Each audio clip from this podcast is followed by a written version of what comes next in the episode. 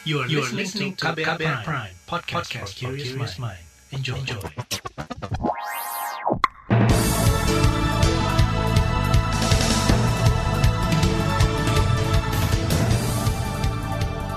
Halo selamat pagi saudara, Anda mendengarkan Buletin Pagi edisi hari ini 2 Februari 2020 bersama saya Reski Mesanto.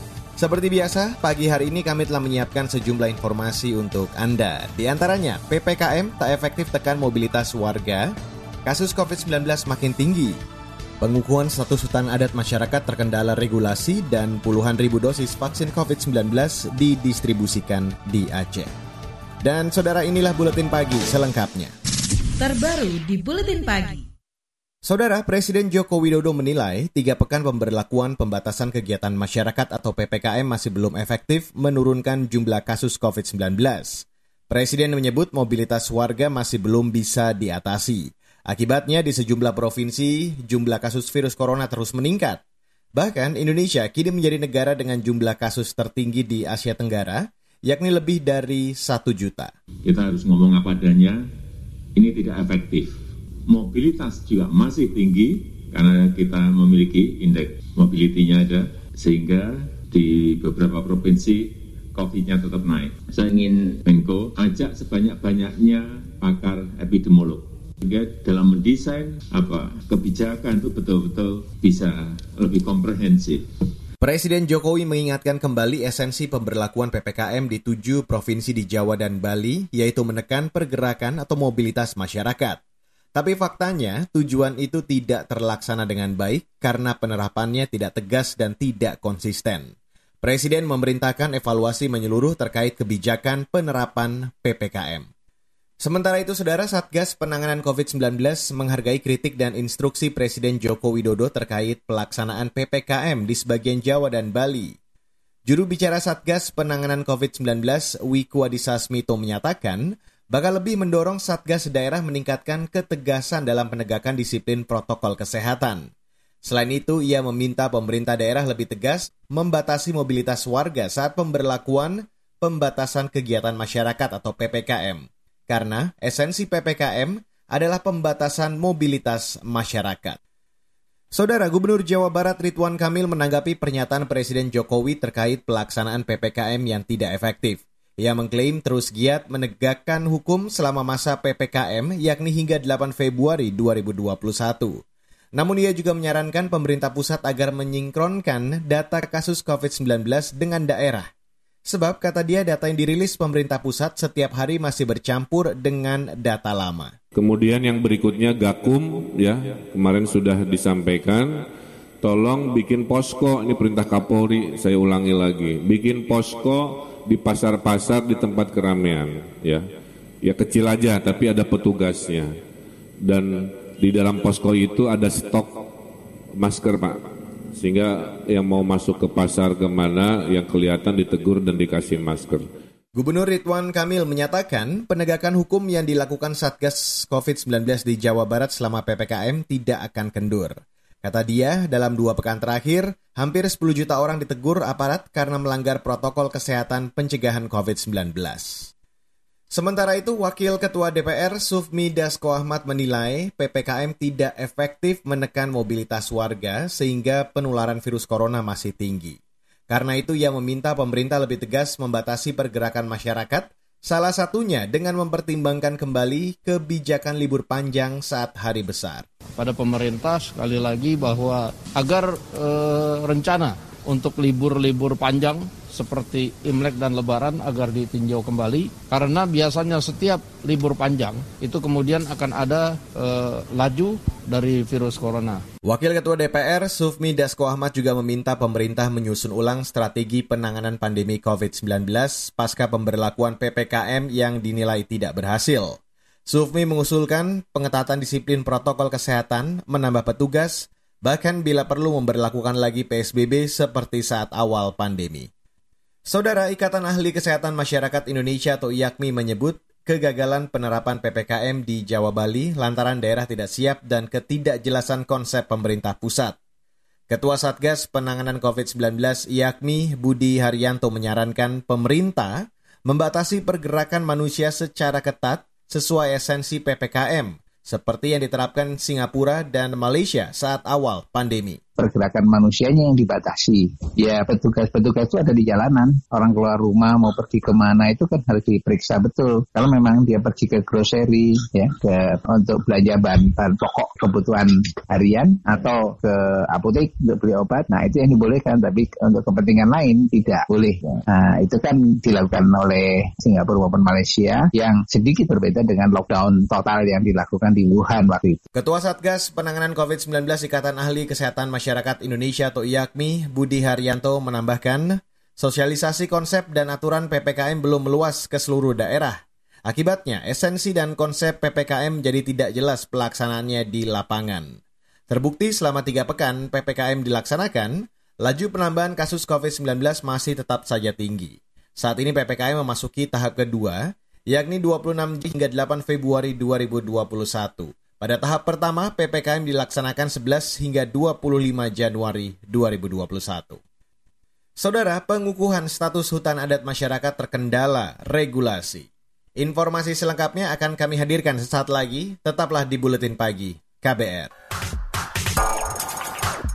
You're listening to KBR Pride, podcast for curious mind. Enjoy!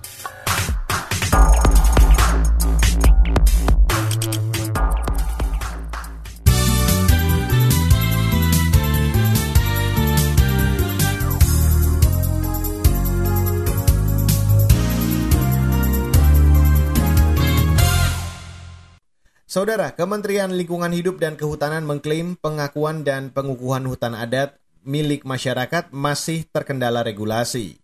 Menteri KLHK Siti Nurbaya Bakar menjelaskan, pengakuan dan pengukuhan hutan adat kepada masyarakat harus mengikuti peraturan Mendagri tentang pedoman pengakuan dan perlindungan masyarakat hukum adat.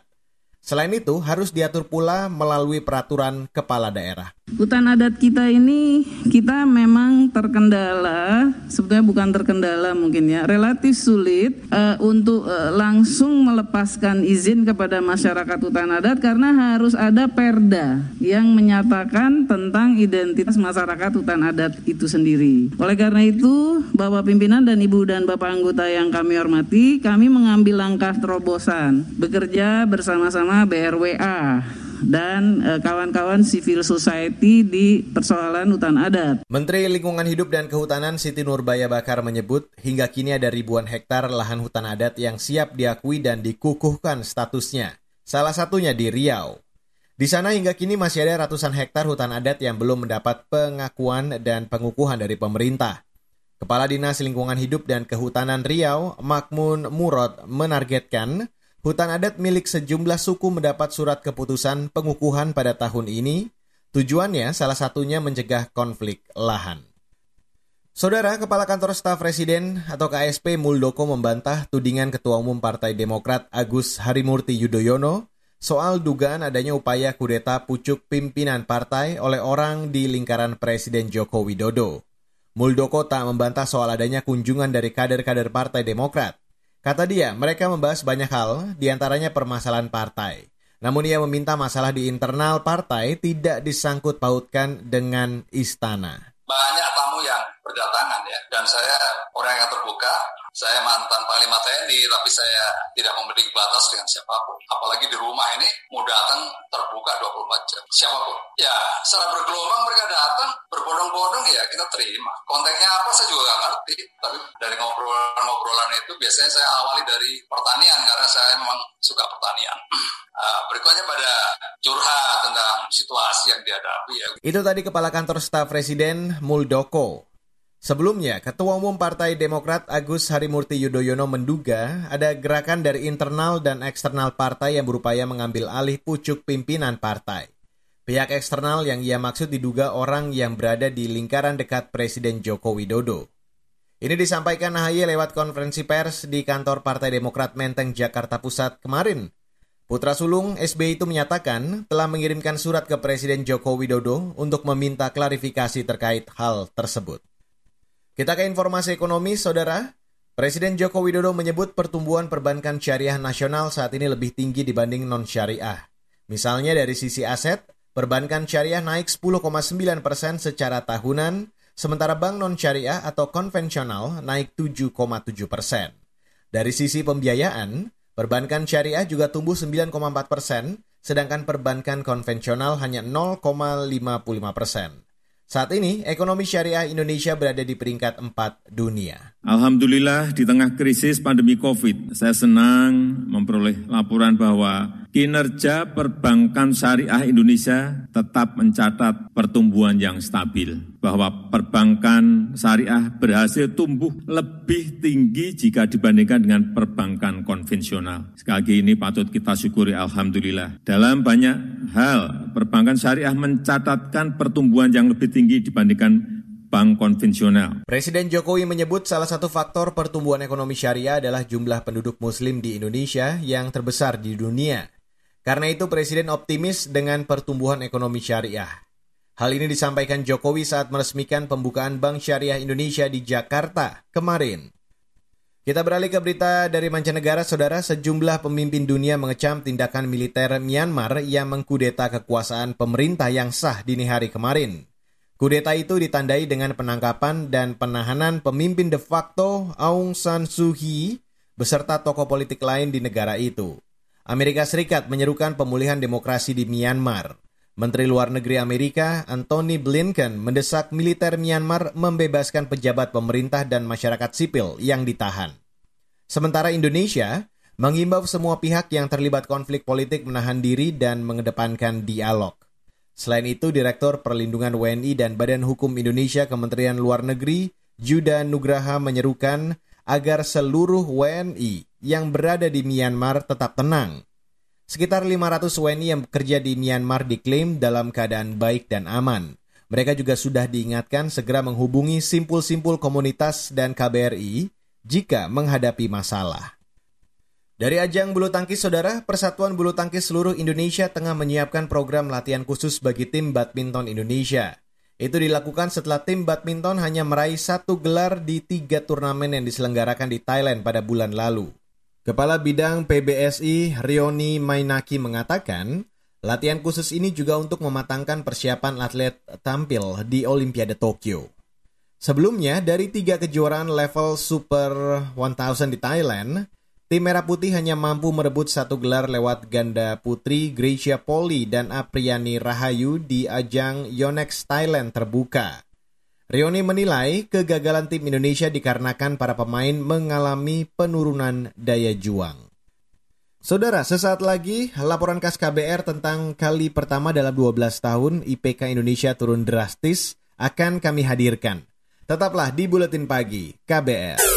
Commercial break. Suatu hari, virus berkumpul dan mulai kebingungan. Duh, bingung. Mau nyari mangsa ke mana lagi ya?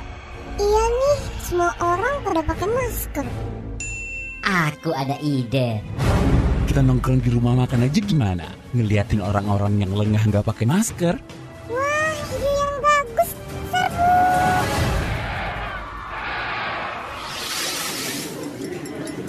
Hati-hati makan bersama saat pandemi. Sebaiknya pilih ruang terbuka, tetap jaga jarak kamu 1,5 meter jika duduk bersebelahan, 2 meter jika berhadapan. Batasi waktu makan bersama 30 menit saja dan jangan berbicara saat makan. Jika sudah selesai, gunakan kembali maskermu ya. Jangan sampai lengah, COVID masih ada. COVID masih ada. Pesan layanan masyarakat ini adalah kampanye bersama media lawan COVID-19.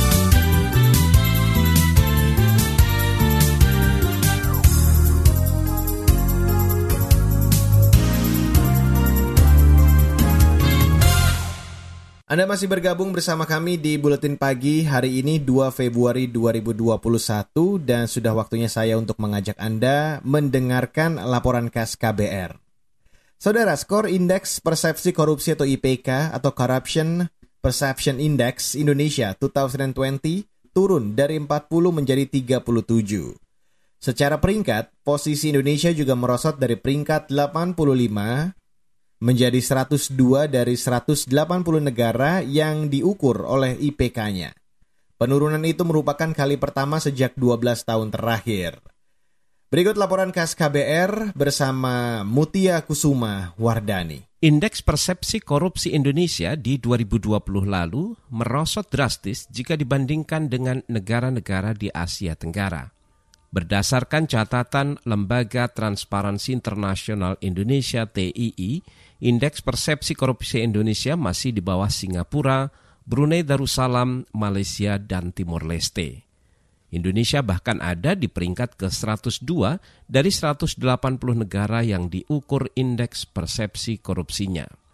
Menurut manajer riset Transparansi Internasional Indonesia Wawan Suyatmiko, turunnya IPK Indonesia membuktikan kebijakan ekonomi dan investasi harus tetap memperhatikan faktor integritas agar tindak pidana korupsi bisa dicegah. Yang pertama adalah terkait dengan isu ekonomi dan investasi. Secara umum, beberapa indikator penyusun CPI yang berhubungan dengan sektor ekonomi, investasi, dan kemudahan berusaha mengalami stagnasi seperti tadi yang di World Economic Forum Executive Opinion Survey, dan bahkan mayoritasnya turun. Ada di PRAS, ada di IMD, ada di Global Insight, dan uh, Political Economy Risk Konsultasi. Turun pada tahun 2020. Lembaga Transparansi Internasional Indonesia melihat turunnya skor IPK Indonesia juga disebabkan stagnannya indikator penyusun IPK yang berhubungan dengan sektor ekonomi, investasi, dan kemudahan berusaha, termasuk indikator politik dan demokrasi yang menandakan sektor politik masih rentan terhadap korupsi.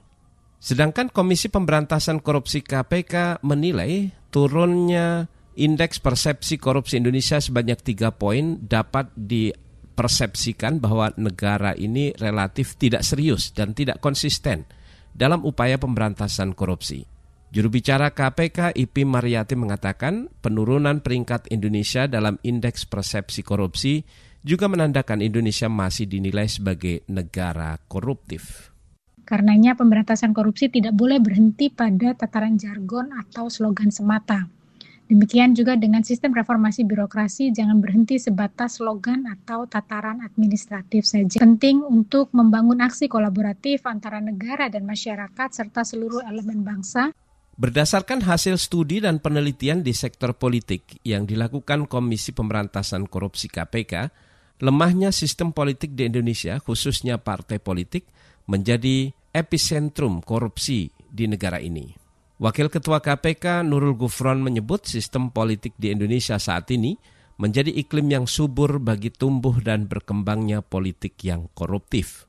Memang mau melihat akarnya karena namanya proses uh, proses akumulasi kekuasaan dari rakyat kepada uh, pada pemerintah itu awalnya dari proses politik. Selama proses politiknya adalah demokrasinya demokrasi demokrasian sudah benar ada ada pemilu. Sudah benar peserta pemilunya itu parpol sudah benar peserta pemilunya rakyat Indonesia, tapi semuanya kan e, berjalan secara tidak substantif, hanya formalis semua.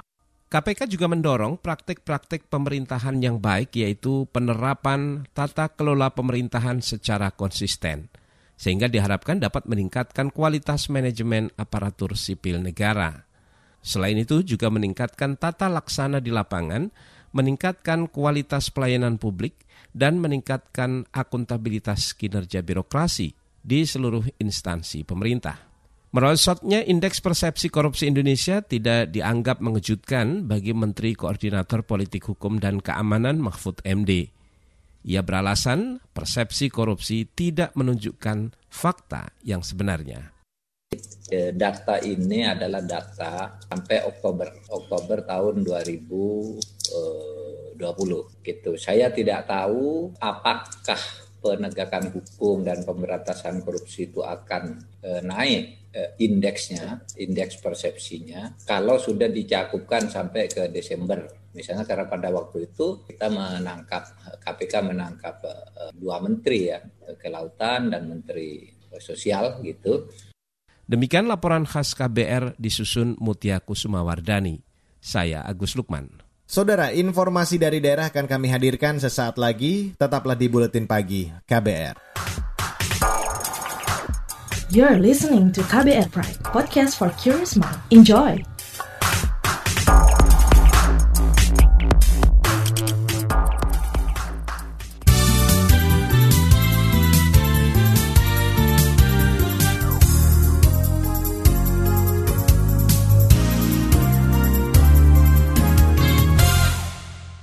Dan inilah bagian akhir dari buletin pagi hari ini. Saudara, pemerintah Provinsi Aceh mendistribusikan vaksin COVID-19 produksi Sinovac ke 21 kabupaten kota di wilayah itu sejak kemarin. Kepala Dinas Kesehatan Aceh, Hanif, mengatakan ribuan vaksin itu akan diperuntukkan bagi tenaga kesehatan. Ini kita distribusikan ada 48.325 dosis beserta seluruh perlengkapan. Jadi vaksin ini nanti akan digunakan semuanya untuk petugas kesehatan di kabupaten kota baik petugas kesehatan yang ada di puskesmas maupun yang di rumah sakit. Kepala Dinas Kesehatan Aceh Hanif menambahkan penyuntikan vaksin untuk SDM kesehatan akan dilakukan serentak 15 Februari mendatang. Pemerintah Provinsi Aceh menargetkan 3,6 juta orang tervaksinasi dalam waktu satu tahun. Saudara, seorang warga sipil bernama Boni Bagau diduga ditembak kelompok kriminal bersenjata atau KKB di perbatasan distrik Sugapa, distrik Homeo, Kabupaten Intan Jaya akhir pekan lalu. Penembakan dilakukan karena Boni diduga mata-mata TNI Polri. Mengutip antara news, juru bicara Polda Papua Ahmad Kamal membenarkan peristiwa itu. Kata dia, pihak keluarga sudah melapor ke Polsek Sugapa terkait kematian anggota keluarga mereka. Dugaan penembakan itu juga diperkuat surat yang dibawa Pastor Justinus Rahangiar. Surat itu berasal dari KKB pimpinan Undius Kogoya. Kamal mengatakan TNI Polri masih menyelidiki kejadian tersebut. Saudara, Badan Penanggulangan Bencana Daerah atau BPBD Kota Balikpapan, Kalimantan Timur menghimbau warga waspada longsor di musim penghujan. Kepala BPBD Kota Balikpapan, Suseno beralasan, sebagian besar wilayah di sana berbukit dan rawan longsor. BPBD juga mengingatkan warga terkait ancaman banjir. Di setiap UPT pos 24 jam sehingga bisa memberikan informasi ataupun laporan apabila melihat adanya gejala-gejala bencana itu. Ya di daerah ketinggian kan kita 85 persen tanahnya berbukit-bukit daerah ya. kawasan itulah yang harus waspada terhadap adanya kemungkinan longsor itu.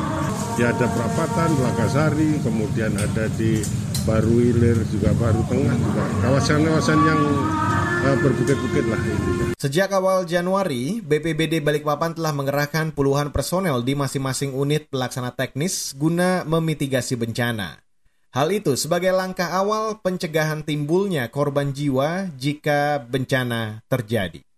Dan saudara informasi tadi menutup buletin pagi hari ini 2 Februari 2021. Jangan lupa untuk selalu memperbarui informasi Anda setiap jamnya melalui kabar baru, situs kbr.id, Twitter kami di account at berita KBR, serta untuk Anda yang tertinggal siaran buletin pagi hari ini, Anda kembali bisa mendengarkan di kbrprime.id. Ingat, jangan lupa untuk selalu menerapkan protokol kesehatan di mana pun Anda berada dan kapan pun. Akhirnya saya Reski Mesanto mewakili tim redaksi yang bertugas pagi hari ini. Kami undur diri. Salam.